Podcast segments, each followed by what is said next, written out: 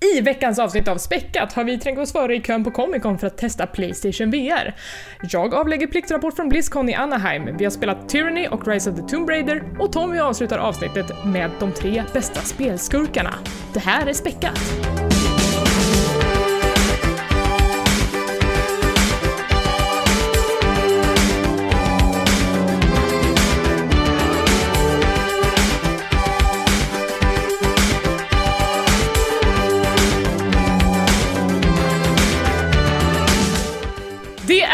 Fredag och eftersom det har gått två veckor sedan sist så är det äntligen dags för ett nytt avsnitt av Späckat! Jag som pratar heter Elisabeth och med mig har jag som vanligt Niklas Jajamän. och Tommy. Hej hej! Men ingen gäst den här gången. Det är bara Nej. vi. Vi får vila oss lite, det varit för mycket. Det är så svårt att släppa in folk i den här gemenskapen. Nej, det är inte. Vi har haft jättebra gäster. Men hörni, det har hänt jättemycket grejer sen sist. Så jag, men, men, men först måste jag fråga, hur mår ni? Mår som en prins, jag har hybris kanske lite. Oj, vad, vad har hänt? Inget särskilt, jag har ju synts på TV, eller dataskärmar kanske. När- var och när? Ja, har varit med på någonting, skräckafton nu. Och sänt lite live. Wow. Känner, känner mig, lever life liksom. Så när jag gick ut där efter timme, jag bara glänste på stan. Ja, men det Sen kan tänka mig. Spillde jag en öl på en bar och vart utslängd. Var min glory. Man får bara 15 minuter i rampljuset, sen är det kört. Mm. Ja, det höll inte längre. Jag var också med på den där streamen, men jag har glömt bort allting. jag kommer ihåg att Tommy satt och pratade om sina glasögon och sen är det bara en liksom, ja, minneslucka. Jag kommer ihåg när vi satt på baren efteråt. Men det var kul. Ja men alltså vi var ju med i Polygonprettos välgörenhetsstream Skräckafton och så spelade vi ett spel som heter Among the Sleep. eh, Som är gjort av en norsk spelutvecklare. Man spelar som en bebis som kryper runt i ett hus och sen händer det freaky shit. Mm. Med oss hade vi också Malin ifrån Nördigt som satt och var lite kommentator. Eh, Det var supermysigt tycker jag. Precis, jag tror det där är nästan den här hybrisen och sånt efteråt kom. För jag fick ju ta kort med både Nordfilia och Malin. Och sen dess har jag inte tvätt, tvättat kameralinsen. Så det är otroligt eh, coolt var det faktiskt att träffa de här eh, profilerna, får vi ändå säga, inom eh, spelbranschen. Ja, det var ju massa härligt folk där. Man kan kolla på sändningen i efterhand på Polygon Pretos kanal. Eh, Och vi drog ju faktiskt in 16 000 kronor totalt under hela kvällen till Friends. Så det var ju Grattis. superroligt. Ja, grymt uppstyrt var det faktiskt. Stort cred till eh, Polygonprättet och dig och ni andra som eh, ja, hade det här.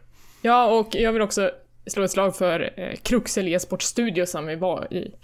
Ehm, och Ludde som jobbar där. Han eh, har byggt om sin lägenhet till en e-sportstudio med typ jättemycket kameror och jättemycket skärmar och det är superhäftigt.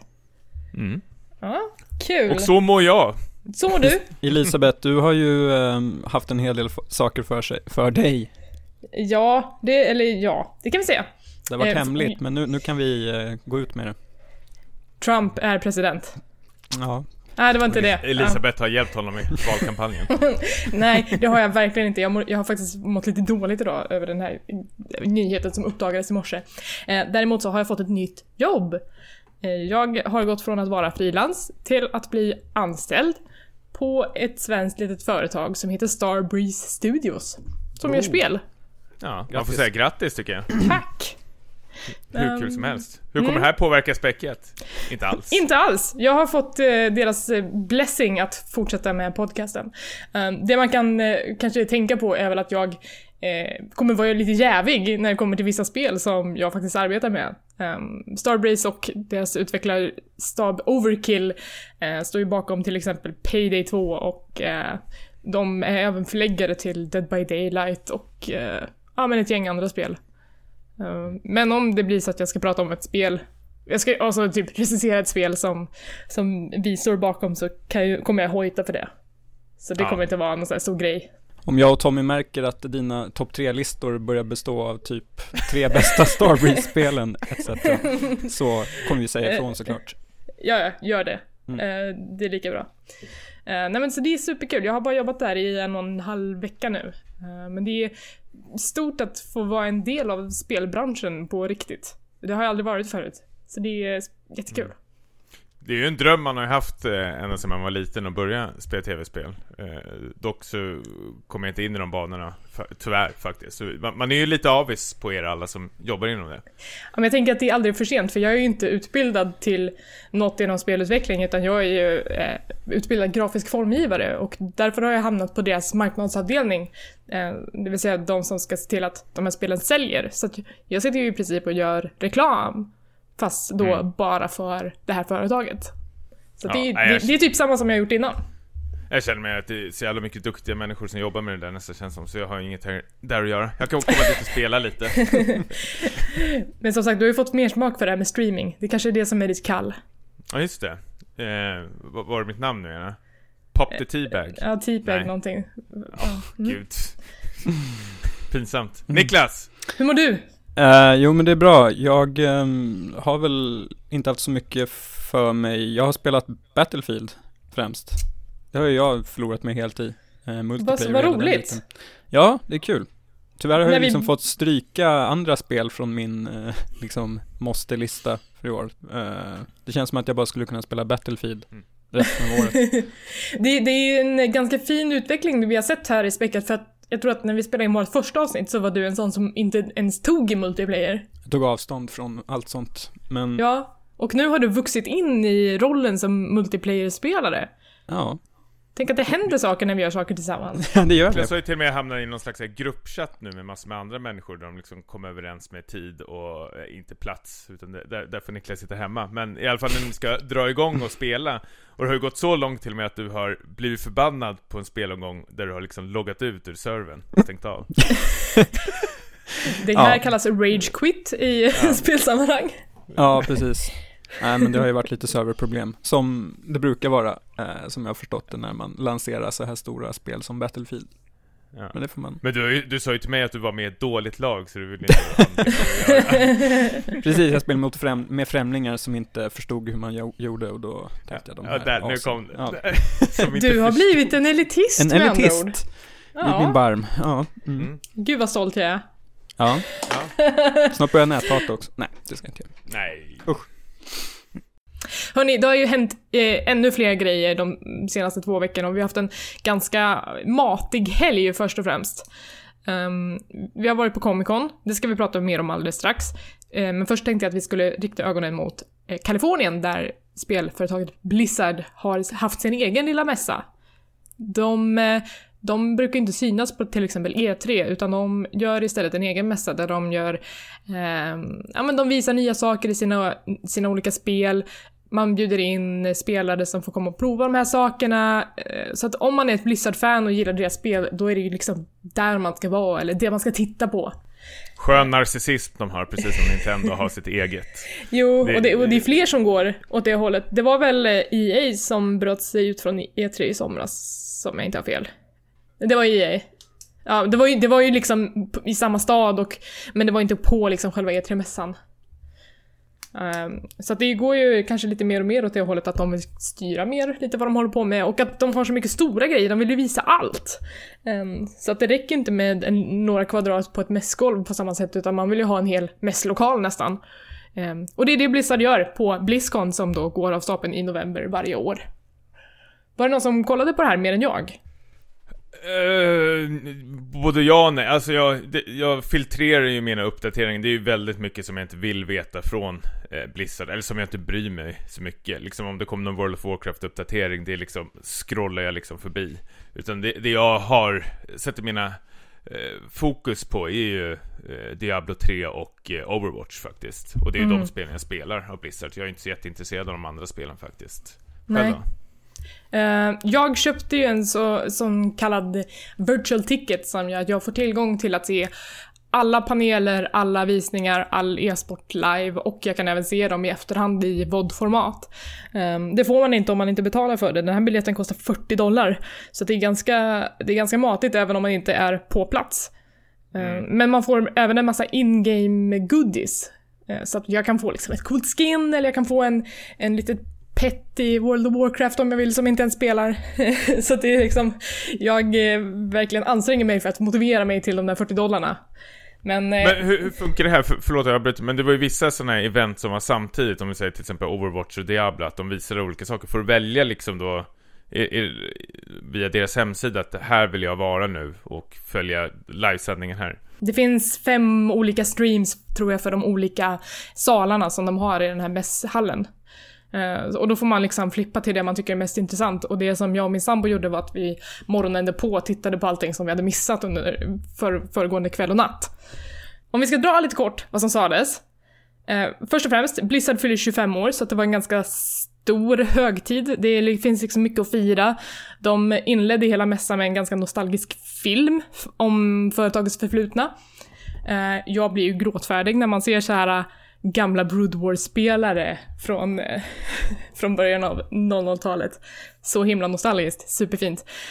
Um, sen så är det också jättemycket coola paneler man kan titta på med, uh, ja men liksom där, där spelar, eller spelutvecklarna går in lite mer på djupet i vad, vad de här, uh, vad de har lagt till i de här spelen. Men uh, om vi ska då dra spelen i korthet Uh, först och främst hade vi då World of Warcraft. De har precis släppt en expansion som heter Legion och den har ju varit live i ett par veckor nu i alla fall. Så att där pratar de mest om vad som komma skall i den patchen, att det kommer komma en ny raid som heter Tomb of Sargeras um, och en massa andra så här smått och gott prylar som kommer hålla den här expansionen vid liv. Um, Legion är ju typ en jättebra revival av World of Warcraft egentligen, för jag har jättemycket kompisar som har gått tillbaka till, till det nu. Så det är ju superkul att de har fått tillbaka gnistan lite grann. Ja, det är ju fullt eh, av vänner på min friends list på, eh, vad heter det, BlissAppen som man har i datorn. Eh, där alla nästan i stort sett spelar eh, WoW nu. Men jag undrar hur länge det kommer hålla egentligen. Det känns som man är inne och får sin fix och sen eh, droppar man av en efter den. Eller har jag fel här? Nej men det stämmer nog ganska bra att det eh, prenumerantavtalet höjs ju så fort en expansion släpps och sen så sjunker det igen och sen kommer det en ny expansion. Men Legion har ju gjort liksom lite extra bra ifrån sig för att de har fixat en massa saker som, som den förra expansionen Warlords of Draenor inte gjorde jättebra. Um, så det känns som att det verkligen har fått en lite, ett litet uppsving igen. Um, och min vän Per Landin som brukar skriva om World of Warcraft på till exempel level... Uh, oj, jävlar. Uh, jag kan se min katt håller på här nu. Katt som trillade ner från skrivbordet Ja, eller? det är kanske är därför det har dunkat, jag vet inte. Bra, autentiskt. Lyssnarna älskar det. jo, som min per, vän Per Landin sa, eh, det, här, det finns ingen bättre tid än nu än att spela, för att spela World of Warcraft. Men jag, jag har ju varit skitsugen på att hoppa in i det här spelet faktiskt flera gånger. Men jag har alltid känt, jag har till och med fått och hittat faktiskt i soprummet eh, oöppnade expansioner, så jag har typ alla expansioner What? förutom de två senaste. Ja. och, ja, men jag installerar dem allting, de funkar var helt sjukt. Det var någon som hade bara lämnat det ner i soprummet. Men tänkte, va? Det är det konstigaste jag hört. Nej men det var en kompis till mig som rekommenderade såhär, du måste kolla i ditt soprum, folk slänger så sjuka grejer, för han hade hittat en Xbox 360 där. och så typ några dagar efter så kom jag tänka på det medan jag slängt soporna så ja, jag kanske ska gå och kolla det, så bara, va? Det är helt sjukt. Så nu rekommenderar jag alla, om ni vill hårdare så är det bara liksom gå ner till soprummet eh, en gång i veckan och kolla om det finns något Men vem är det som bor i din byggnad? Jum-Jum och gänget. Det här är sjukt. Bulten. Men eh, det, det, jag undrar är liksom, och det du, ni, varken ni två spelar, men jag kanske vänder mig till våra lyssnare då. Kan man hoppa in som helt ny i det här spelet? Är det helt jävla fakt liksom? För jag känner liksom, hur många expansioner är de uppe nu? Sex styckna, eh, Eh, minst känns det som. Eh, det, det, det, känns väldigt matigt och mycket att ta in och ta igen. Um, jag kan spara det här på det här delvis, för jag började spela förra året när World of Draenor kom. Eh, och jag hade inte kört mycket WoW när, um, när det hade sin storhetstid där under typ 2005-2006. Utan eh, jag spelade lite grann då och så spelade jag lite grann nu när Draenor kom. Och jag tycker att det funkar helt okej. Okay. Alltså det är ju, om du vill komma in i loren, då blir det ju rörigt för att det är ju inte samma spel som det var i Vanilla. Eh, och det har hänt väldigt mycket i den här världen. Så att eh, det blir svårt. Men låren skiter i. Ja, men du kan ju komma in i, i liksom spelet absolut och det är väldigt mycket hjälp med att levla och hitta dungeons och folk att raida med och så. Så att det är väldigt mm. lätt att komma in i skulle jag säga. Okej, okay. även så, ja men då så, då kanske jag ska ge ett försök då. Ja, men det tycker jag. Jag är också lite sugen ibland. Eh, om vi ska gå vidare då. Starcraft Mitt favoritspel, mitt hjärtespel, My Darling, Precious Precious Darling. Eh, inte så mycket uppdateringar tyvärr. De lägger till lite flavorgrejer, i, speciellt för co-op-läget. Eh, de lägger till någonting som kallas för War Chest, som är som en skattkarta i olika säsonger där man kan låsa upp en massa skins och rewards-grejer. Ehm, det som var anmärkningsvärt var att Blizzard kommer starta ett projekt där man låter forskare använda Starcraft som ett verktyg för att utveckla och göra AI smartare. Det här fick ju lite ljumma reaktioner av publiken, speciellt när vdn eh, Mike Morhaime säger Snart kanske vi får se en AI slå världsmästaren i Starcraft och man bara Yay, Skynet! Så det var väldigt mycket Terminator-känslan på den grejen, men, eh, men det är väl spännande. Men jag är också lite rädd. Ja. Lika rädd som de släppte det här digitala schackbrädet som slog eh, någon världsmästare i schack förut. Ja. Och så kom det på deras eh, ja, framsida på boxen. Då var folk rädda också. Jag känner, ja, jag vet inte. Det är rätt så långt kvar till det där Skynet va? Ja, jag hoppas det. Men eh, Starcraft är också ett väldigt mycket mer avancerat spel än schack, så vem vet. What? Tror du det? Tycker jag i alla fall, men jag är partisk. Um, Okej. Okay. Bobby Fischer vrider i sin grav nu. Heroes of the Storm är nästa spel. Där kommer det komma två nya hjältar, Varian Bryn och Ragnaros, vilket var jätteroligt. För på tal om Terminator så gjorde Ragnaros, eh, när han går ut något så här ultimate läge så gjorde han tummen upp när han föll ner i lavan. Jätteroligt. Eh, och sen så kommer det komma en Nexus Challenge där de uppmanar folk att spela Alltså folk som spelar andra Blizzard-spel att spela Heroes of the Storm i 15 matcher, för då får man låsa upp grejer i de andra spelen. Så att om man spelar Overwatch och vill ha Oni Genji-skinnet, så måste man spela 15 matcher Heroes of the Storm. Åh för fan, vilket jävla skit. Det känns som att de så här desperat försöker få fler spelare till ja, det spelet. Vad händer nu? Börjar HOTS tappa spelare eller? Jag vet inte, men det har, alltså... Det jag tror att det har sin spelarbas, men den är lite mindre och de vill nog få fler folk till det. Ja, för jag spelar väldigt mycket HOTS förut, men jag, jag tröttnade ju till sist för jag tyckte det var lite för obalanserat faktiskt. Det är väl det som gör både LOL och Dota 2 så otroligt stort och att det finns väl lite mer valmöjligheter på dina heroes där, vad du kan göra med dem och skruva till dem. Nu har du bara lite abilities som du eh, ja, står fast vid hela matchen nästan. Mm. I, i HOTS. Men jag tror inte att HOTS någonsin var tänkt att vara en konkurrent till de två, utan snarare ett komplement. Att det är kortare match, att det är mer objektivbaserat och så. Så att det var nog aldrig menat att vara samma spel eller lika stort som det egentligen. Eh, men i alla fall lite nyheter där. Och nu kommer vi till Diablo. Som firar 20 år i år. Och det var mycket spekulationer innan Blizzcon om att det kanske skulle komma Diablo 4, men så var det inte. Nej, vad var det de gick på nu? Att, de, att det låg massor med tärningar i någon eh, påse som folk hade fått hem innan? Ja, precis. Att Blizzcon goodiebagen innehöll sådana här rollspelstärningar och då kom det en sån här T4 med en missprint på så att det stod jag kommer inte ihåg om det stod ett på alla sidor utom en där det stod fyra och alla bara Det här är en D4! Det vill säga Diablo 4. Eh. Jag sket ju på mig. För mig var jag, jag var helt nästan hundra på att de skulle utannonsera. Jag hade, jag hade två valmöjligheter. Att de skulle göra en HD-remake på eh, Diablo 2 Necromancer var rätt så uppenbart att det skulle komma när det började läcka massor med bilder. Men eh, sen var det Diablo 4, det var det jag ville ha faktiskt. Mm. Men det som, det som de faktiskt, eh, eh, det som faktiskt blev var ju att Necromancer kommer bli en spelbar klass i Diablo 3. Och de kommer att ha årliga event där man kan spela igenom kartan från Diablo 1 i Diablo 3s motor. Eh, vilket ändå är ganska nära min önskan om att det ska komma remasters på de gamla Blizzard-klassikerna. Eh, men det är det det blir. Ja, Hur känner du? tyvärr. Ja, jag vet, alltså Diablo 1-kartan, vad, vad, innebär det då? Att det är bara massor med dungeons, eller en dungeon som du bara går ner och ner och ner och ner och ner, ner, ner, ner massor med våningar. ja, jag, jag, tror att det är typ 16 våningar. Det som är roligt ja. är att, att det här eventet med Darkening of Tristram, som det här heter, eh, är att de kommer och att det kommer formges i vad de kallar för Glorious Retrovision. och det betyder att grafiken kommer vara mycket mer pixlig, som i gamla Diablo, och hjälten kommer bara kunna röra sig liksom åt, eh, vad blir det, åtta olika håll. Eh, och det finns inga animationer för när den vänder sig om. Eh, de kommer ta bort en massa frames i animationerna så att det kommer verkligen kännas retro-Diablo. Det är ganska roligt. Väldigt charmigt. Det är roligt, det håller jag med om, men kommer, vara, kommer man vilja spela det så då? Um, det är en annan fråga. Jag, jag Ja. var lite skeptisk, men när de visade en film på det så kände jag att bara fan det funkar ju för det, har ju, det är ändå lika responsivt som nuvarande Diablo. Ja. Det är ju bara visuellt. Ja, varför inte? Ja, jag känner att jag inte är så jättesugen. Jag, jag vill ju ha med något no, no mer köttet. Jag vill ju att det här ska växa istället i universumet. Jag vill ha lite mer valmöjligheter. En expansion nu som kommer komma. Det, det jag känner mig lite besviken eller snuvad på är ju att liksom de presenterar saker men de säger ingenting runt omkring det. De är fortfarande väldigt, väldigt, väldigt hemliga vad den här expansionen innebär. Jag tänker liksom för att Mm, vara det, så stort. det är inte en expansion, utan det är bara ett årligt event. Så att det kommer vara liksom under en månad i januari så kan du spela den här extra dungeonen. Ja, nej men jag tänker på nu Diablo 3-expansionen som kommer komma. Det kommer inte komma än. Det kommer vara... Här, har jag det, helt nej. det? Nej.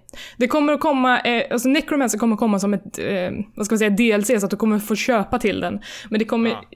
det lät inte som att det kommer vara en riktig expansion. Okej, för det var ju sånt jag tänkte runt omkring det. Kommer de höja level capen och sådana saker?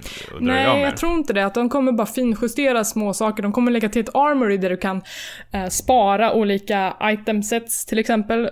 Eh, och sen så kommer de fixa lite i PS4 och Xbox-versionerna. Ehm, så att du kan köra seasons där, för det kan du ju inte i nuläget. Ja.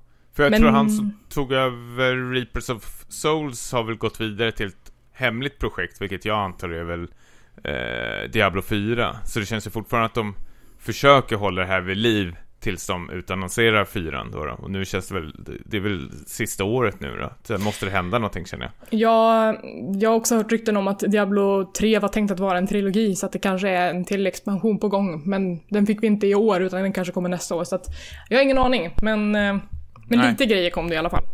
Mm. Ja, Eh, ska vi köra Overwatch också? yes. Här snackar vi uppdatering. Här snackar vi uppdateringar. Först och främst, Sombra.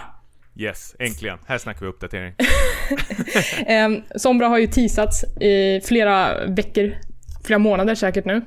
Eh, och när eh, Mike Morheim sa att nu ska vi titta på hur lanseringen av Overwatch gick så började skärmen flimra och sen har den nya karaktären Sombra hackat filmen. För hon är ju den nya hacker-karaktären som kommer läggas till i Overwatch. Det var supercoolt.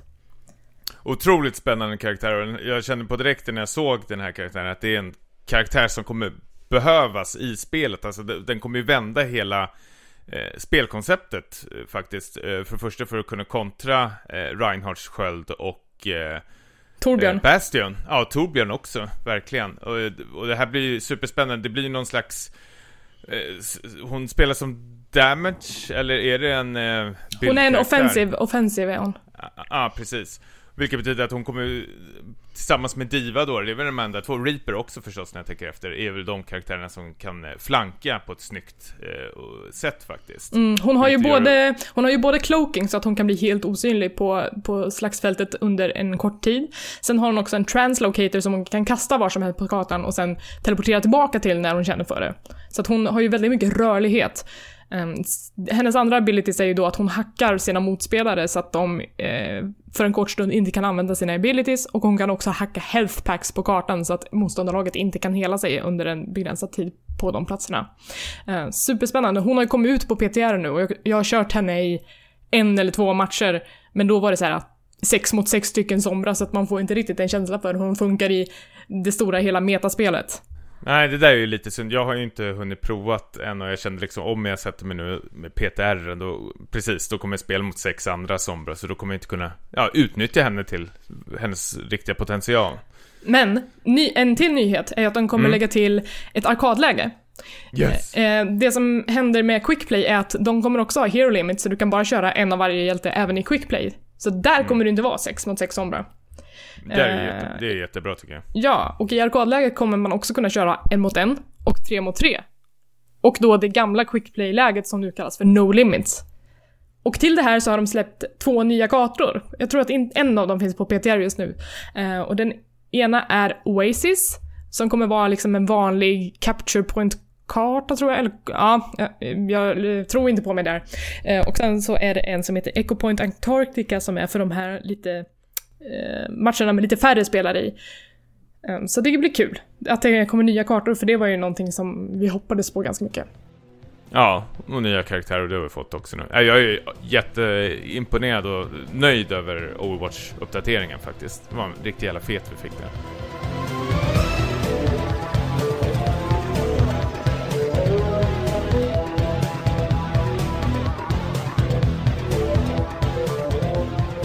Yes, vi har ju då också alla tre varit på Comic Con som är det här årliga eventet eh, som hålls eh, ute i Kista, i eh, Stockholmsförorten då.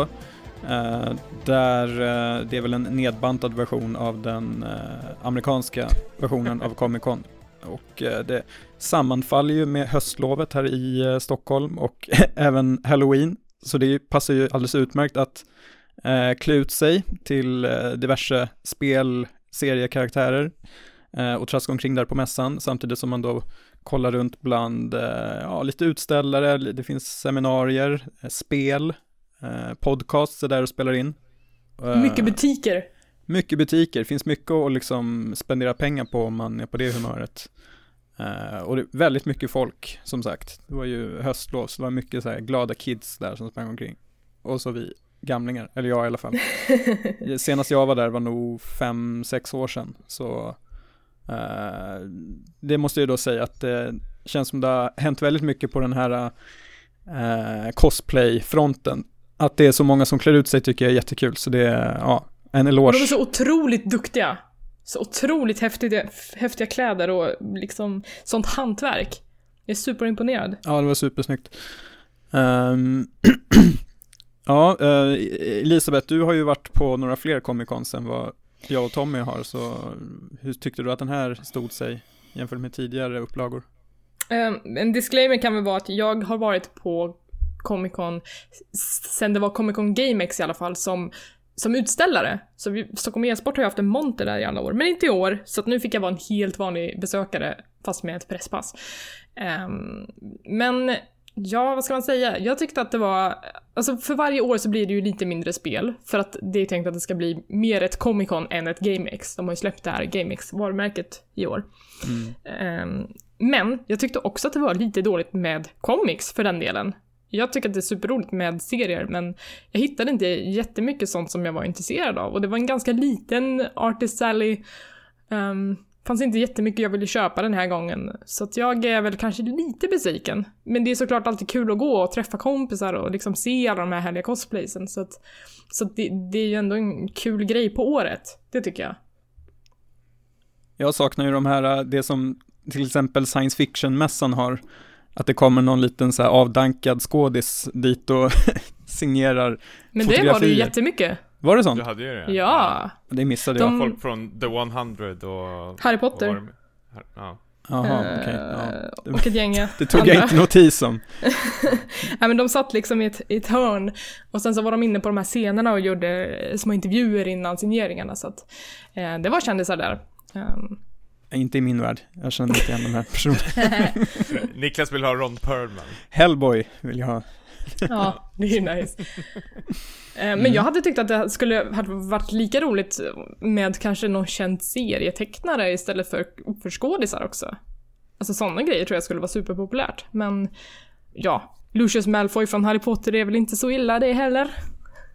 jag, jag, vet, jag hade bara ett mål i sikte och det var VR. Jag gick liksom som den här Assassin's Creed-killen liksom, genom den här folkmassan liksom tryck bort folk liksom för att få komma fram till det här VRet.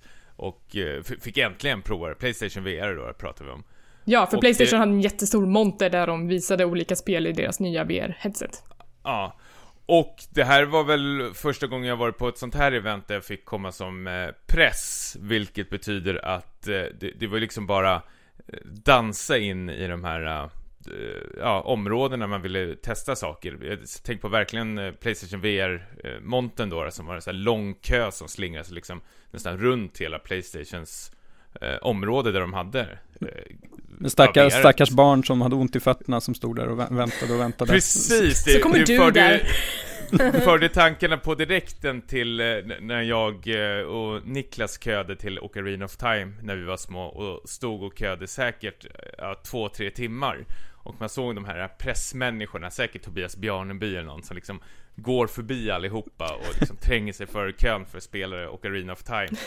Och jag kände mig så jävla hemsk människa när jag liksom gjorde det här. Jag vet inte varför, jag fick sån otrolig ångest när jag ser den här kön med de här barnen som står och eh, kör. Så ska jag och min fru spela och så säger, för man märker de beter sig lite annorlunda när det är pressmänniskor. Så här, hur känns det, bla bla. Och så säger, när jag hade spelat klart så säger jag bara nästan på skoj, så här, vad har ni mer? Ja, eh, följ med här borta. Och då liksom för de över oss till en annan liksom eh, VR-station där det är ett annat spel. Och sparkar ut ett och, barn och... Ja, men då är det någon som spelar så, så här, säger han, han oss liksom så här. Ja, eh, ni, ni, ni, kan gå före här, ni, det är bara att ni tar efter den här killen här efteråt. Och så fick vi liksom, ja, sitta och spela där istället. Och det, ja, jag vet inte, det... Men det är ju ganska, det är ju ganska korta demos. Så att man tar ju inte så supermycket tid av den här kön. Jag, jag var ju också inne och testade Batman VR på den mm. montern. Eh, var det någon, någon, av er som körde det? Nej. Nej, jag vill verkligen veta hur Batman var. Um, ska vi säga någonting om headsetet först? Eller ska vi bara gå på det? Headsetet måste vi prata ja, om också. prata om headsetet. Headsetet är helt jävla underbart. Istället för som det här som Vive uh, har, att du har massor med kaborband som du ska liksom lindar runt liksom huvudet som gäller mumie så är liksom headsetet att liksom drar ut headsetet och liksom sätter fast det mot huvudet och sen liksom mot skallbenet så har du en liten eh, skruv som du liksom spänner åt då eh, och liksom justerar så det sitter skönt och får en bra Förlåt, ja, skruv mot skallbenet låter allt annat än skönt, men ja. ja men det är, väl no det är väl någonting du skruvar åt dig för att spänna ihop, eller hur? Ja, säkert. Jag såg ingenting för att det var någon som gjorde det på mig. Oh, gud, jag ville pilla med allting. Jag liksom slog på hans händer så här. Ja, jag, ja, jag kan själv. Jag kan knyta skorna själv. Men då satte man på den och så höll man på att fixa och allting. Och jag, helt, helt såld var jag. Jag tyckte det var sjukt ergonomiskt det här och satt otroligt bra. Och jag som även har, har glasögon tyckte att det funkade otroligt bra med det också. Hallå? Hallå? Hallå? jo men jag tycker att komforten är absolut en av det här headsetets största styrkor. Um, och är liksom överlägset till exempel Vibe. Men uh, det jag tycker är det här headsetets största svaghet är att skärpan är inte superbra. Man ser ganska suddigt jämfört med Viven. Men, eh, nu går det lite, kanske lite händelserna i förväg, för jag håller med tills jag eh, sprang ut ifrån Comic Con och köpte ett eget Playstation VR som jag har nu här hemma. Och då fick jag verkligen sätta mig ner i lugn och ro och sitta och justera det här och pilla med det så du får det här perfekta synfältet. För det är det är lite pill, du, du, du ska liksom trä på den, det är, det är inte bara att trä på den och sen liksom köra på utan du ska hitta liksom en perfekt vinkel som headsetet sitter på, att du får vinkla ner den lite och sen skruva fast den där och då får du väldigt bra skärpa faktiskt. Okej. Okay. Du måste För, skaffa glasögon. Nej men det kanske också är så att liksom, ska man betala 5000 mindre än en HTC Vive så är det ju någonting som man måste tumma på också tänker jag. Ja. Och då är det också den här sladdhärvan tänker jag också på, som man har sett på bild i alla fall. För den var ju prydsamt undanstoppat i de här små konsolerna som, som hårdvaran satt i, så den fick man aldrig se. Men sen när man ser andra som eh, packar upp det hemma så är det ju en herrans massa sladdar. Precis, det är ju ett ormbo. Jag är ju ja, helt allergisk mot sladdar. Så jag ska ju hålla på och liksom kabla in dem och lägga dem under snyggt och allting sånt där. Men det, det är som du säger, det är ett stort jävla ormbo som ligger där nu som jag inte vet vad jag ska göra äh, av. eh, men, men det löser man på något sätt, eh, antar jag. Men eh, Niklas, vad tyckte du om headsetet? Uh, jo, men jag håller väl med om att det, det kändes uh, skönt att ha på sig och det var ganska snyggt utformat också, lite så här Daft Punk cosplay blev det från, från, från vår sida oh. när vi satt där. Um, och det här var faktiskt första gången som jag testade VR sen, för ganska länge sedan, då det var någon eh, tidig version av Oculus eh, Rift. Och eh, jag blev väldigt övertygad faktiskt av den här presentationen. Jag tyckte det var slående att eh, hur, hur, snabbt det gick att sugas in i själva VR-upplevelsen och liksom glömma bort omgivningen och den här kön med små barn stod och tittade på. Så jag blev imponerad, jag, jag rycktes också med lite som Tommy. Um, sen så, jag testade ju då Resident Evil 7, för jag ville ju ha något um, skräckaktigt. Och uh, även om det var häftigt att liksom titta runt, uh, det, det, var en demo där man går runt i ett uh, hus som ligger ute i ett träsk någonstans. det var ju häftigt då att kolla runt på de här omgivningarna, men själva spelet är lite Eh, blir jag mer och mer skeptisk till, för jag tycker inte att det känns som att de har fångat något av eh, den gamla Resident Evil-känslan. Um, man går runt i det här eh, huset då, där det känns som att det är någon sån här missbildad familj som bor där, typ Hills of Ice eller vad heter den? Texas Chainsaw Massacre, lite den känslan. Och så blir man jagad av någon gammal kvinna där och så gäller det att gömma sig bakom lådor och, och tajma för att liksom smyga runt bakom henne och så vidare. Jag känner inte alls någon, någon, eh, någon Resident Evil-vibe kring det överhuvudtaget. Mm. Eh, och det är tråkigt, men däremot är jag eh, positiv till VR. Du sa till mig att du ska köpa ett. Ja, det kanske bara var tomt snack. Jag vet inte. Nej, men nu får jag väl komma hem och, och spela hos dig sen. Det ska jag absolut göra. Uh, fundera lite till. Jag körde ju Batman VR-demon som fanns där. Det var um, rätt spännande, men man fick ju bara köra liksom ett kort intro där Bruce Wayne är i sin sin herrgård och eh, butlern kommer fram och ger henne en nyckel och så vrider man om den här nyckeln i sin flygel och då öppnas en dörr under den för, det, för att flygeln är ju typ en hiss. Och så åker man ner i Batcaven, sen så sätter man på sig sin dräkt, sen provar man att skjuta lite med en enterhake, man provar att skjuta lite batterangs och sen så åker man ner i en grotta. Och det, under hela den här tiden så, så rör man sig ju inte ur fläcken för att Eh, VR har ju fortfarande lite problem med att lura hjärnan att man liksom rör sig fast man inte rör sig utan att bli åksjuk. Så jag vet inte riktigt om resten av spelet också är liksom en, en, en enda lång sträcka där man bara står still. Men, eh, men, men det var ju jäkligt häftigt liksom, det är ju superresponsivt när man kastar iväg de här betarangerna och, och det ser ju snyggt ut även om skärpan var lite so-so. Um, men det är ju någonting med att Batman bara står still som man bara, jaha? Lite ja. oimponerande.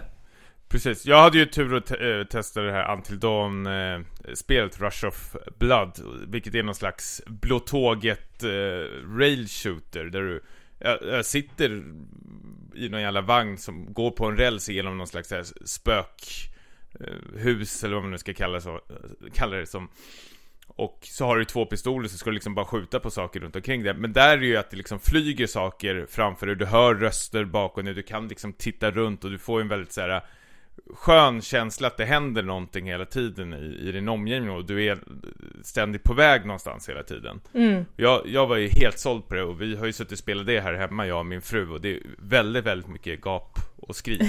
inte, jag... inte på varandra utan att, mer att det är en sån otroligt skön känsla i spelet. Får jag fråga hur mycket Rush of Blood har med originalspelet Until Dawn att göra?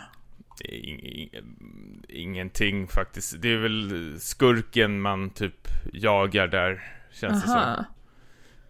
Ja, för det var ju lite så, för det kändes som en så himla avslutad historia och sen så när jag hörde att det skulle komma liksom en expansion till det, jag bara oj, ja, vad blir det nu? Det är bara någon kul grej faktiskt. Det, ah, okay. det, det känns mer som du är på ett psyke, det är väl det det kanske handlar om. Jag var inte så jätteintresserad av handlingen, jag ville bara skjuta och titta runt. okay. Medan någon professor i början står och håller på att snacka med mig vad som händer och jag är såhär, kör, kör! Okej, okay. körde ni något annat då? Nej. Eh, Nej, det var det vi hann med faktiskt. Men som sagt, det, det kommer en eh, bättre recension nästa avsnitt kan vi väl utlova i alla fall. Då jag har testat igenom, eh, jag har ett gäng jävla spel här hemma nu som jag ska köra igenom. Ja. Ett spel som jag ångrar att jag inte körde var det här Riggs. Där man tydligen eh, kör mm. någon slags eh, arena sport fighting grej där alla sitter i mex. Mm. För det såg ju också ut som en bra lösning på hela den här uh, motion sickness-grejen. Att man själv inte rör sig men man sitter i ett fordon liksom som man kontrollerar. Det jag vill hålla mig undan ifrån så mycket jag kan helst, det är ju att ha Playstation-kontrollen i handen. Jag har ju Mm. köpt de här Move-kontrollerna. Och eh, nästa år kommer det här, åh, vad heter det? Fireside, Fire Planet, i någon FPS-spel. Mhm. Eh, nu kommer jag inte alls ihåg vad det hette. Men det, det är lite Starship Troopers-känsligare och till det här spelet så kan du köpa en pistol eller ett gevär. Mhm. Och på baksidan så har du ju en analog spak så du kan röra eh, huvudkaraktären som det är då, då fram och tillbaka och allting samtidigt som du siktar med den här eh, pistolen då, då. Och det längtar jag till som fan, för det har jag läst till mig i alla fall funkar hur bra som helst. Så då får du ju både att du kan röra dig runt och eh, sikta samtidigt. Coolt. Ja, Ja, men vi, vi får höra en vidare recension av Playstation VR nästa vecka då. Eller nästa avsnitt. om inte det här är VR just nu, vi är kvar på Comic Con. What? Men, eh, alltså det var ju mycket VR på Comic Con även i de andra montrarna. För jag gick runt och kikade lite bland indiespelen och liksom nästan, inte alla, men nästan alla hade ju ett VR-headset som de ville visa upp sitt spel på. Bland annat så var ju Toran där, de som jag pratade om för några avsnitt sedan. Ehm, jag spelade också Munch som var med i spel, eh, Spelhjälpen. De var ju där och visade sitt spel där man är en fisk som äter andra fiskar och så blir man större. Det är väldigt mycket som, eh, som till exempel Agario, eh, men inte multiplayer då. Men det sa de kunde bli en möjlighet i framtiden. Ehm, sen så spelade jag också ett spel som heter Blam Down Other Fury av Guru Games. Eh, det var inte VR, men det var väldigt roligt. Det var som en eh, Twin Stick Shooter och man är en ko som skjuter bazookas. Jätte, jätteroligt. Storyn är typ att eh, kons flickvän har blivit bortrövad och nu ska man liksom ta revansch. Hämnas på bönderna. Har gjort. Ja, eller hämnas på människorna överlag. Så att man skjuter liksom ner byggnader och bilar och allting. Man kan, man kan förstöra allting i den här världen som inte är organiskt, kan man, eller så här, från naturen. Så inga träd eller något sånt där. Men eh, människor och allting kan man skada. Sen får man massa uppgraderingar. Men varannan gång man uppgraderar så måste man också uppgradera fienden. Så att det blir också eh, progressivt svårare. Så, och det var faktiskt oväntat kul.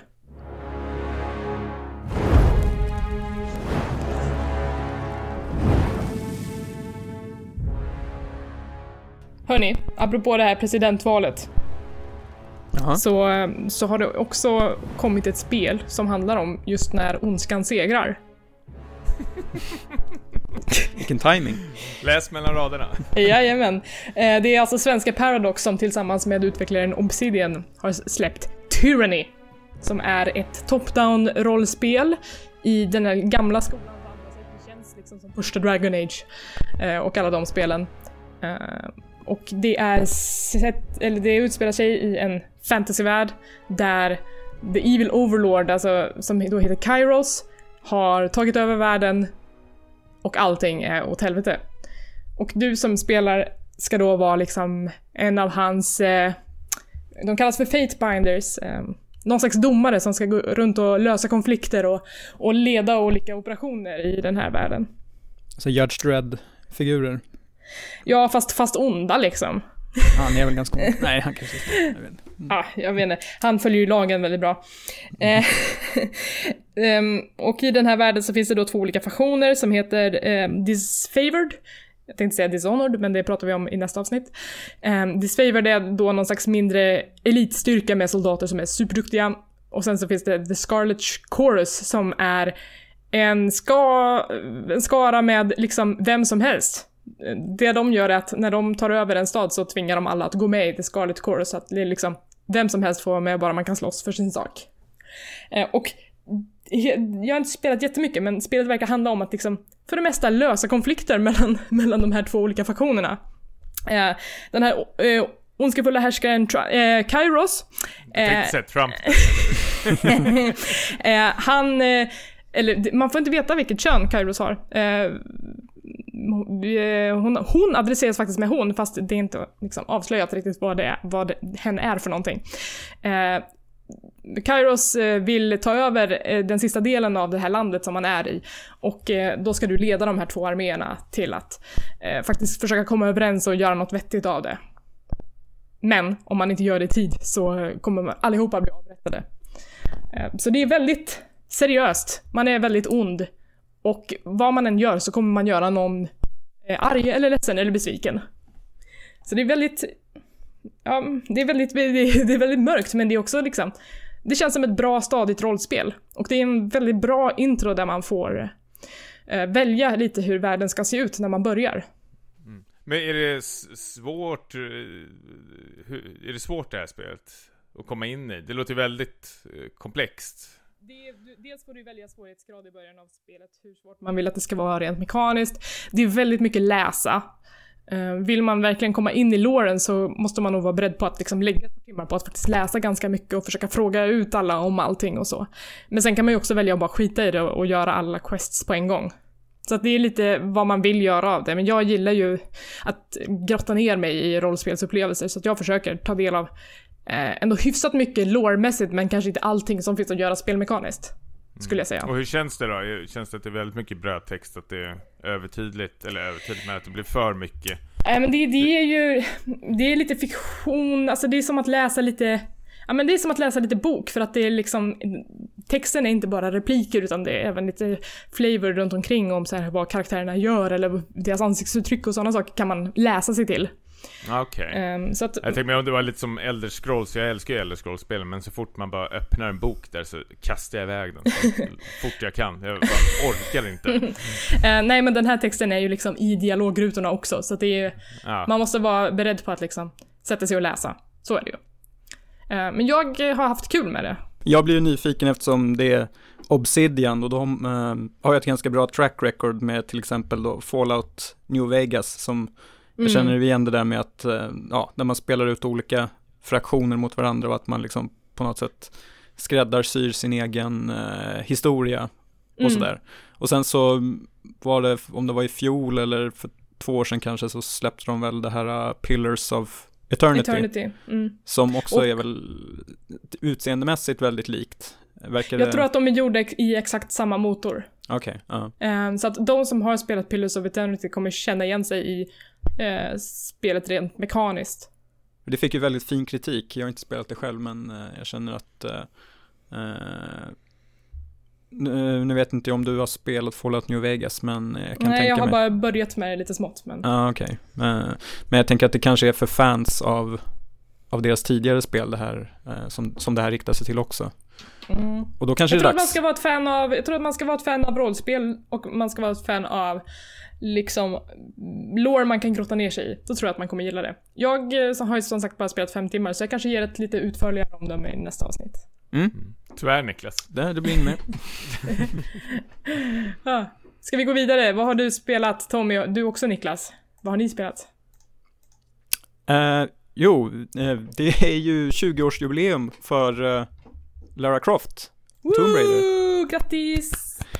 Ehm, och förra året, för, för ganska prick ett år sedan så kom ju Rise of the Tomb Raider till eh, Xbox-konsoler exklusivt. Eh, och nu är det då dags för en slags eh, jubileumsutgåva då till PS4 fast med lite nytt material. Ehm, och jag har inte spelat det spelet som föregick det här, men jag har förstått att de hänger ihop ganska tätt, att du spelat med något år, års mellanrum. Eller något ni kan. Du har inte spelat första spelet? Eller vad man nu ska kalla det för. Första spelet är ny. Första I nytappningen? Nej, det har jag faktiskt inte gjort. Nähä, Ehm, oj. så Är de tätt sammanlänkade eller Tommy? Så- Eh, nej, alltså de är ju sammanlänkade. Det, det kommer ju bli en, minst eh, en trilogi nu, eh, verkar det som. Så vi- visst, storyn, eller storyn hör väl inte ihop, men man, man fortsätter ju på La- Laras eh, äventyr. Men Mm. jag tycker hon har eh, förändrats eh, rejält. Första spelet så blir man ju väl strandsatt och handlar väl mer om att man ska försöka, till en början i alla fall, fly därifrån. Och då, hon fick ju lite kritik av det, eller de som gjorde Lara Croft då, till det, att hon var väl lite för utsatt och eh, orolig, eh, eller vad man nu ska säga under det spelet. Li- lite rädd. Så att hon behöver Men- bli mer, mer badass. Ja, och det har de, eh, tycker jag i alla fall, verkligen eh, fixat till det här spelet. För nu är det, har de vänt på steken. Nu är det istället eh, Lara själv som eh, letar efter faran och eh, beger sig till den här platsen då, då som eh, vad, vad befinner man sig? Man är först i Syrien i alla fall och sen åker man till... Eh, Sibirien. Ja, precis. Men Niklas, hur känns det att komma in från som, och alltså, inte ha spelat det? jag, jag, jag, kan väl känna att storymässigt så hänger det ihop ganska väl med den här uh, uncharted-mallen för den här typen av äventyrsspel med uh, man, ja, huvudpersonen letar efter en mytomspunnen försvunnen stad och det uh, finns någon typ av artefakt som kan ge övernaturliga krafter och så finns det konkurrerande arkeologteam då som är lite mer liksom eh, okänsliga för sina omgivningar och förstör saker. Och så medhjälpare då som man kanske, eller kanske inte kan lita på. Eh, och Ah, ja, ja. Grejen är, alla letar ju efter den här skatten, eh, vad heter den, The Divine Source som enligt rykten då ska ge någon slags, vad är det, evigt liv eller någonting. Mm, den här typiska Indiana Jones. verkligen, någon gral liknande sak. Mm. Uh, och, och den har väl också letat sig någon liknande artefakt i Uncharted också. Men Lara, Lara vill ju väl hitta den här, för det var väl hennes pappas eh, sista liksom jakt, eller vad man nu ska kalla det för, innan han om, inom liksom mystiska omständigheter liksom gick bort. Var det inte typ det liksom... samma eh, grej i Uncharted 4? Nu kom ju det här innan det, men var det inte där också att deras föräldrar letade efter, efter, samma skatt som eh, Drakes skulle hitta? Jo, du gäspar redan nu. Nej men det, det, ja, jag vet inte. Jag, jag tycker ju att det roligaste med det här spelet är att eh, eh, man kan dröja sig kvar på de här platserna och liksom finkamma områden. Du, du rör ju dig eh, ganska sömlöst mellan olika platser som hänger ihop och det, det är ju fritt fram att eh, röra dig framåt och eh, liksom eh, gå vidare i handlingen. Men du kan också som jag har gjort främst bara utforska eh, kryptor och lite annat, göra lite sidequests, man får ju lite uppdrag av eh, eh, diverse karaktärer. Så det känns ju lite mer som ett, nästan som ett sånt här sandlådespel än ett liksom rakt äventyrsspel. Precis, eh, det är det jag älskar med det här spelet också, för en helt eh, annorlunda pacing än vad Uncharted har, vilket känns som det ska liksom stressa på hela tiden, mm. det ska liksom sprängas, om det inte liksom man, man, ska springa ifrån fienden så ska man liksom jaga fienden med sin kulspruta. Här känns det liksom att du får välja ditt eget tempo, att om du vill ta det lugnt nu och hålla på och leta runt lite skatter eller liksom eh, Eh, det finns sån här challenge eh, tumps där du liksom utforskar en så här jättestor grotta där det är något pussel, vilket jag tycker är skitroliga pussel som du får lösa. Eller om du ska liksom gå vidare i storyn och då blir det väl lite mer smygande och eh, skjutande. Men det är också jag reagerar på det här spelet som jag tyckte Man måste tyvärr ställa det mot Uncharted, nu har vi redan gjort det Men som jag tycker är bättre med det här spelet är liksom att fienderna inte liksom rullar in i liksom horder liksom som de gör i Uncharted Att det kommer liksom 40 stycken så ska man liksom bara knäppa ner allihopa Sen kan du ta den till nästa sektion Här känns det mer som det händer saker hela tiden Att man tar sig framåt några meter och så är det tre fiender där Sen händer det någonting i omgivningen vilket gör att man rör sig framåt Så är det fyra fiender där som man måste ta ner mm. Ja, jag håller med. Jag, efter ett tag så börjar jag mer eh, vilja jämföra det med till exempel med eh, Metal Gear Solid 3 Snake Eater, där du också är ute i den här sovjetiska vildmarken och där du liksom du rör dig mer fritt mellan de här olika områdena och du, eh, mer av ett överlevnadsspel där man ska plåstra om Precis. sig och välja rätt outfits och sånt där. Och det tycker jag är mycket, eh, jag tycker det känns uppfriskande om man då jämför med Uncharted 4 där det var väldigt mycket liksom från ett resmål till ett annat. Direkt. Och det känns som liksom, äh, Lara kan liksom tackla fienderna, eller liksom hur man ska bestiga de här bergen och klättra och sånt där på flera olika sätt. Hon har ju sin hake liksom som hon liksom kan skjuta iväg eller kasta iväg och sen liksom eh, dra sig upp i en lina liksom. Det, det, finns så otroligt mycket grejer du kan göra med henne så du kan komma vidare medans jag vet inte, senaste Uncharted-spel, vad hade han? En jävla Indian Jones-piska liksom som han liksom flög fram och det, det var väl bara det nästan. Det var ju typ en enterhake. Ja, men den var så jävla tråkig.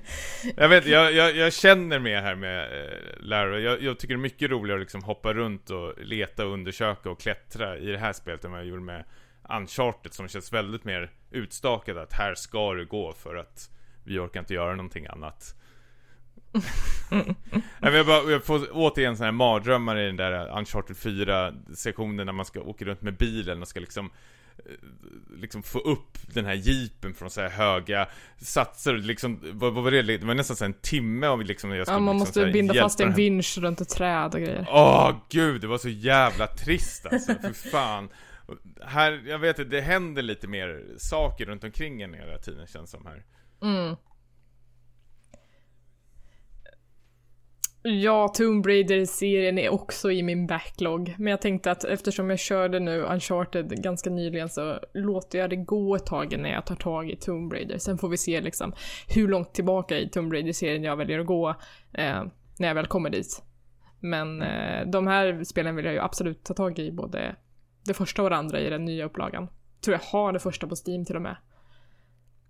Ehm, Ja. ja. nej men det, Jag- jag ser fram emot att spela det. Jag gillar det extremt mycket och jag tycker om man verkligen engagerar sig eh, så, väldigt bra faktiskt, så, de får man ska få en bakgrund till eh, lärare. Det ingår också en expansion i, i det här spelet där du liksom, i någon slags Tomb Raider möter Gone Home, där du får liksom utforska hennes mansion och gå runt och så får du mer liksom backstory, var hon kommer ifrån, vad hennes föräldrar kommer ifrån, hur de träffades, liksom, hur har hon hamnat här i det här liksom, sjukt stora mansionet liksom.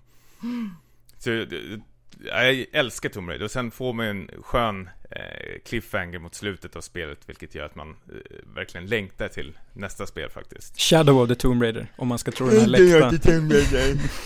Men eh, Tommy, apropå nu Tomb Raider, visst är det så att du har en lista till oss? Ja, precis. Jag skulle, det, det har vi inte pratat så jättemycket om, men skurkarna i Tomb Raider, om man ska klaga på någonting. Den här, eh, vad, vad är det för någonting Niklas? Det är någon militär eh, snubbe? Ja, som gärna går omkring och spelar in eh, sina känslor på så här fickminnen som han strösslar runt på. Det var typiskt sådana personer som bara lämnar sina memoarer på gatan. Ja, På både gott och ont gillar jag de där fickminnen, för det är inte bara han, utan det är ju fler från hans, liksom, så här, de här legosoldaterna som jobbar under honom, som lämnar sina fickminnen. Och vissa är typ så här. börjar tvivla Vad lite. jag är här. Ja, precis. Jag är bara här för pengarna liksom. Jag ångrar det här så sjukt mycket. Jag vill bara tillbaks. Och medan någon annan som man hittar är liksom så här. Det är så sjukt kul att döda folk. Jag vill fortsätta. Vil- Vilket gör det väldigt intressant. Men återigen så är den här skurken som har bara så här sjukt mycket body armor. Han har liksom vapen eh, överallt känns det som på hela kroppen. Och jag vet inte, så jävla opersonlig. Jag tycker faktiskt att eh, tv-spel, det, det vi har problem med med tv-spel är att det är ju sällan att man har en bra skurk, eller hur, hur känner ni här? Ja, ja, absolut. Alltså För mig är det minnesvärda otroligt- skurkar finns det ju. Självklart finst det, men jag tycker det är väldigt, det är knappt att jag kan räkna dem på liksom fingrarna, men jag tycker jag vet- jag vet inte, för, för mig är en, en karismatisk och bra skurk otroligt viktigt i ett eh, tv-spel, särskilt när man ska spela sådana här spel. eh, Ja, så, och sen är det ju också lite skillnad på en skurk och på en boss. Alltså det finns ju bra bossar, men de behöver inte nödvändigtvis vara bra skurkar. Nej, nej, nej, nu tänker jag inte blanda in några Nej. Megaman-grej här, men, men eh, veckans lista då som vi presenterar, Bumper! Späckats topp 3-lista. Ja, det är ju såklart de tre bästa tv-spelskurkarna. Woo! Ska vi Nice. tackla det här då? Ja. Ja, kör. På plats nummer tre kommer från en spelserie som jag eh, träffade på för kanske två år sedan. Och jag älskar såna här... eh, Fan, Genius Game, Koreas Genius Game liknande, alltså där du är ett gäng personer och så försvinner en i taget och så är det alltid någon skurk i mitten där som eh, håller igång det här. Men Säg inte att det är Zero. Nej, det är inte det. Är ännu bättre. Det är, det är, Dang, det är Danganronpa Monokuma. Så jävla otroligt bra eh, skurk, eller antagonist kanske man ska säga. Den här labila björnen som liksom dyker upp, vrider och vänder på spelreglerna och liksom är så otroligt jävla vidrig. Man vet inte var man har honom någonstans. Och jag tycker det är så jävla intressant faktiskt. Och särskilt när man har de här rättegångsscenerna, att han liksom sitter och tittar på medan de här klasskamraterna försöker liksom eh, hitta den här skyldige som har begått mordet så sitter han och kommer med sådana här små spydiga kommentarer. Och jag älskar skurkar som har ett eget ledmotiv innan de ens hinner liksom introducer- introduceras in i scenen. Så när man hör Monokumas ledmotiv, då tänker man oh oh Nu kommer han." är det dags. Det, det, det kryper i magen på mig varje gång, för nu vet jag att nu händer någonting. Nu, nu börjar, nu, nu kommer det flyga kroppar. Okej. Vad, Så jag, jag Monokuma är helt jävla otrolig. vad har du på plats två, Tommy? Plats två är Danganronpa 2. Nej, jag skojar bara. Plats nummer två är Ja, skurk är väl svårt att säga, men det, jo men antagonist skulle vi säga, och det är väl, eh, jag visste inte så mycket om det här spelet när jag spelade, jag visste ingenting alls, jag vart bara rekommenderad till det. Och om jag säger att spelet inleder i en test chamber, där man ska ha portaler, GLaDOS! Gladus. Ja! Och då, jag älskar Gladus så jävla mycket, för hon är så otroligt trevlig. Från, från Portal-serien ska vi då säga. Ja, för- precis från Portal. Så Portal 1 och sen lite är hon med i Portal 2, eh, halva spelet typ. Men särskilt Portal 1, det som överraskade mig så otroligt mycket var att jag tror det här bara var ett helt vanligt pusselspel. Men eh, desto mer du kommer in i spelet så börjar du tänka såhär, shit det här är ju inget pusselspel, det är ju fan story och allting och du märker att den här Gladus som följer med dig, som håller på att uppmuntra en att göra de här små testen hela tiden, blir mer och mer liksom cynisk mot dig och till sist så försöker hon till och med så här lura in den i en fälla och liksom döda den. Och jag tycker, alltså Gladus, alltså replikerna, hur hon är skriven, alltså det är någon, allt det jag gillar med henne är så jävla bra. Det är liksom svart humor, hon är vidrig, hon är rolig. Det är så sjukt jävla bra karaktär tycker jag Och faktiskt. på, en bra tal, skurk. och, och på tal om Skynet så är det ju alltid roligt med så här robotar som blir lite för självmedvetna och hatiska. Ja, precis. Jag, jag, jag älskar Gladys så jäkla mycket faktiskt. Och så får man en sån otroligt fin eh, låt i slutet när man klarar partyt med Gladys. Eh, jag, ja, jag tycker den är jätte, vä- välskriven som bara den faktiskt. Och jag tycker det är snyggt det de har gjort att man bygger upp det liksom. Att det blir mer och mer elak mot den hela tiden. Ja. Mm. Ja, kul. Plats nummer ett är nog den första, alltså riktiga spelskurken som jag träffar på, eh, som jag har varit rädd för. Och även här har ju en spelskurk med ett ledmotiv och ett sjukt jävla vidrigt skratt. Kefika från Final Fantasy 6. Den här skurken är ju löst baserad på Jokern som går helt jävla bananas. Han är ju jobbar för Imperiet som eh, de här hjältarna ska försöka få ner. Men mot slutet av halva spelet så den här ledaren över Imperiet, vad heter han? General Leo? Har jag för mig?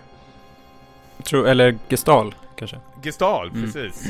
Vill väl liksom att förmedla och säga typ att vi, vi ska nog inte ha det här kriget. Vilket gör att Kefika liksom iskallt liksom mördar honom, förgiftar hela världen och alla liksom kontinenter liksom bara särar på sig.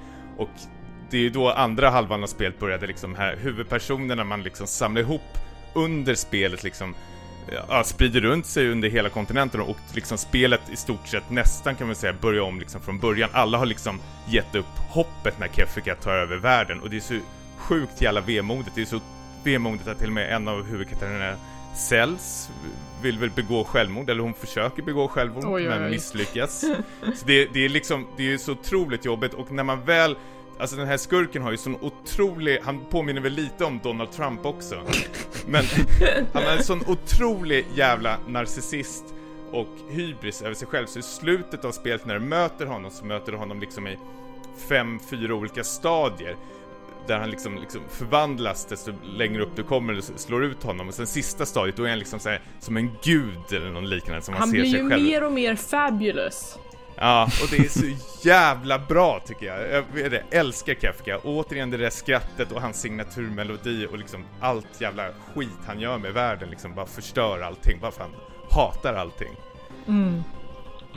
Alltså jag, eh, som bekant så är jag ju inget Final Fantasy-fan, men jag har spelat lite Final Fantasy 6 för många, många år sedan.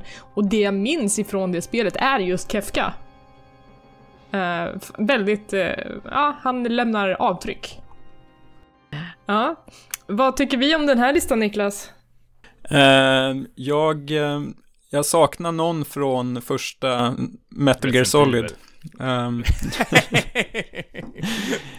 men, men men, ärligt talat, Liquid eller vadå? ja, eller Revolver Ocelot, eller... eh, Jag tänkte på det, men, men- jag vet inte, har inte de där spelat ut sin roll nästan? Är Oslot så jävla intressant fortfarande? Ja, han kanske var som allra intressantast i första spelet. Sen så var han ju inte, li inte lika intressant i eh, femman, om man ska jämföra. Men liksom i ettan så gillar jag hela skurkgänget. Det känns som att de har en bra backstory. Men eh, jag gillar listan ändå. Jag tycker den svänger, så den får en flipp. Bling! Ja, ja, ska jag avlägga min, min dom nu? Eh, jag eh, tycker att det är en bra lista med undantag för tredjeplatsen för det är helt bananas. Monokuma är en så jävla störig karaktär. Eh, och det drar ner helhetsintrycket av den här listan. Eh, jag hade hellre sett någon ifrån till exempel de gamla Starcraft-spelen för där finns det mycket minnesvärda skurkar. Eh, så Jag jag... skulle säga Mass Effect. Nej, det säger jag faktiskt inte för att där blir, de blir ju lite bananas, de skurkarna. Det blir bara större och större och mer liksom abstrakt. Ehm, men i, i första Starcraft-spelen finns det riktigt välskrivna och eh, mångfacetterade skurkar som, ah, som känns intressanta.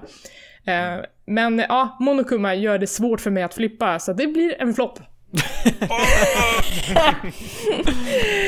Ah, skurkar- jag måste få revansch för att min lista blev floppad förra veckan. Av mig. Ja, Ja. av Niklas, inte av mig. Ah, nej, nej, men det kommer gå ut över dig. Ja, jag märkte det. Ja, eh, jag kan gå rakryggad härifrån i alla fall. Ja, det kan du. Eh, vi kanske postar upp den här listan som en poll också på Twitter. Det måste vi göra. Ja. Vad är era favoritskurkar? Twittra. Ja, Skrik. gör det. Hörni, det, det var väl typ allt vi hade att bjuda på idag. Ja. Mm? Men det var ändå ganska matigt tycker jag. Härligt att få gå igenom eh, alla härliga mässor och event vi har varit på. Vad Mm. eh, ska ni spela inför nästa avsnitt? Ni kommer få en fet jävla Playstation VR-recension av mig. Nu har, då har jag verkligen suttit med det och eh, så kommer jag väl helt ärligt säga om det här är värt att köpa eller om man ska hålla sig eller inte. De har lämnat tillbaks. Ja, precis. Refund. Ja, eh, jag ehm, har precis börjat spela det här Owl, Owl, Owlboy, nej, Owlboy. Owlboy. Svårt. Owlboy. Oh, oh. Oh, oh. Som är ett otroligt hyllat eh, 2D-plattformsspel. Så det blir en rapport om det nästa vecka, eller nästa avsnitt. Ja men kul. Jag eh, kommer spela lite mer Tyranny, men jag kommer också sätta tänderna i Dishonored 2 som jag har väntat på väldigt, väldigt länge. Det släpps ju bara här i dagarna. Köttigt avsnitt alltså det kommer bli. Ja, det kommer bli bra. Det här är en så himla bra spelmånad för det kommer så mycket. Jag tror Pokémon kommer också, men jag tror jag väntar lite med det. Kul! Oh yes. Har ni några sista ord till tittarna? Ska vi kanske berätta om hur man kan nå oss? Eh, man kan ju skriva till oss på späckadpodcast.gmail.com. Eh, man kan också börja följa oss på Twitter och Instagram, där vi heter späckadpodd eh, 2C1D. Då får man uppdateringar dels om när nästa avsnitt kommer, men vi, ibland postar vi roliga bilder när vi hittar på någonting också. Ja, gå på När vi mässor och så. dynga. Ja. Nej, okej. Eh, Men om man vill hitta oss personligen så finns jag på Twitter, då heter jag HangryEli. Eh, Jag twittrar eh, inte så mycket just nu. Men jag finns också på Instagram, där postar jag nog bilder på snö och vädret i Stockholm. Gud vad intressant. Eh, Tommy, var hittar man dig? Eh, på Twitter hittar man på Tommy Jansson och eh, Instagram på Stimpas eh, där vi postar VR-filmer faktiskt just nu. Ja, Reaktioner. Niklas då? Niklas Lundqvist på Twitter och OneLess-Niklas på Instagram. Och glöm inte att om ni gillar Späckat så får ni jättegärna lämna en liten stjärna på iTunes eller skriva en recension för det hjälper oss jättemycket. Ni kan också rekommendera den här podcasten till en kompis som, som gillar spel eh, och vill ta del av vårt snack varannan vecka. Ehm, och med det så säger vi adjö. Hej då! Farväl! Goodbye. I'm not even angry.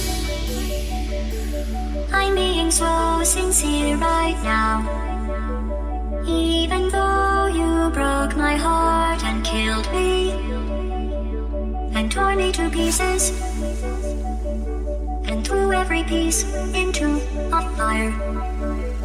As they burned, it hurt because I was so happy for you. Now these points of data make a beautiful line, and we're out of data, we're releasing all